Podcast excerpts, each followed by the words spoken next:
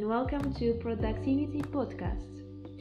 Today we're gonna talk about self-sabotage. كتعريف self sabotage هو الإنسان يكون عدو نفسه كيفاش يكون عدو نفسه إنه يقوم بمجموعة من السلوكيات اللي تضر النفس تاعو.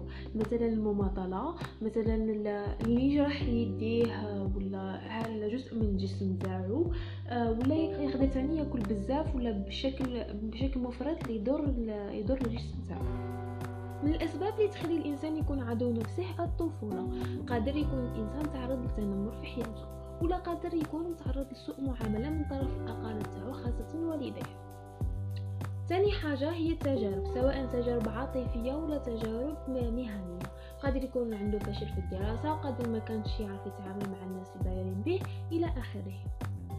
الحاجة الثالثة هي عدم تقبل الذات وحبها. يعني الإنسان يكون يكره روحه.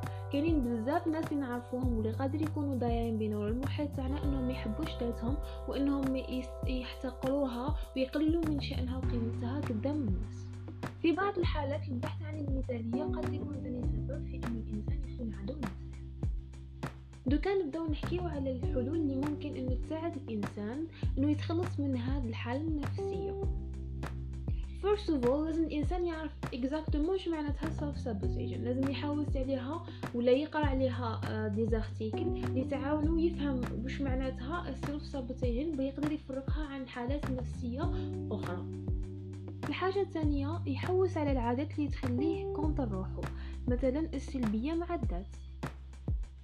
الحاجة الثالثة هو إنه يعرف الاسباب الحقيقية اللي خلاته يكون عدو نفسه.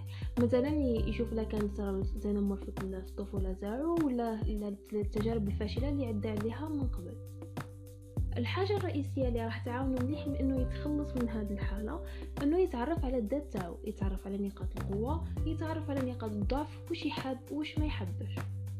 الحاجة الأخرى أنه يكون إيجابي إنسان إيجابي كيفاش يكون لازم يتعرف على الحاجة الداخلية والصوت الداخلي اللي يكون ديما دافع ليه به يروح للإيجابية ويخيرها على حساب السلبية. الحل الأخير هو التغيير سواء في سلوكياته في المحيط تاعو ولا في الروتين تاعو ثاني So this was our topic for today.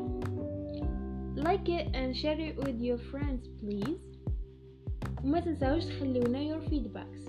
See you next time.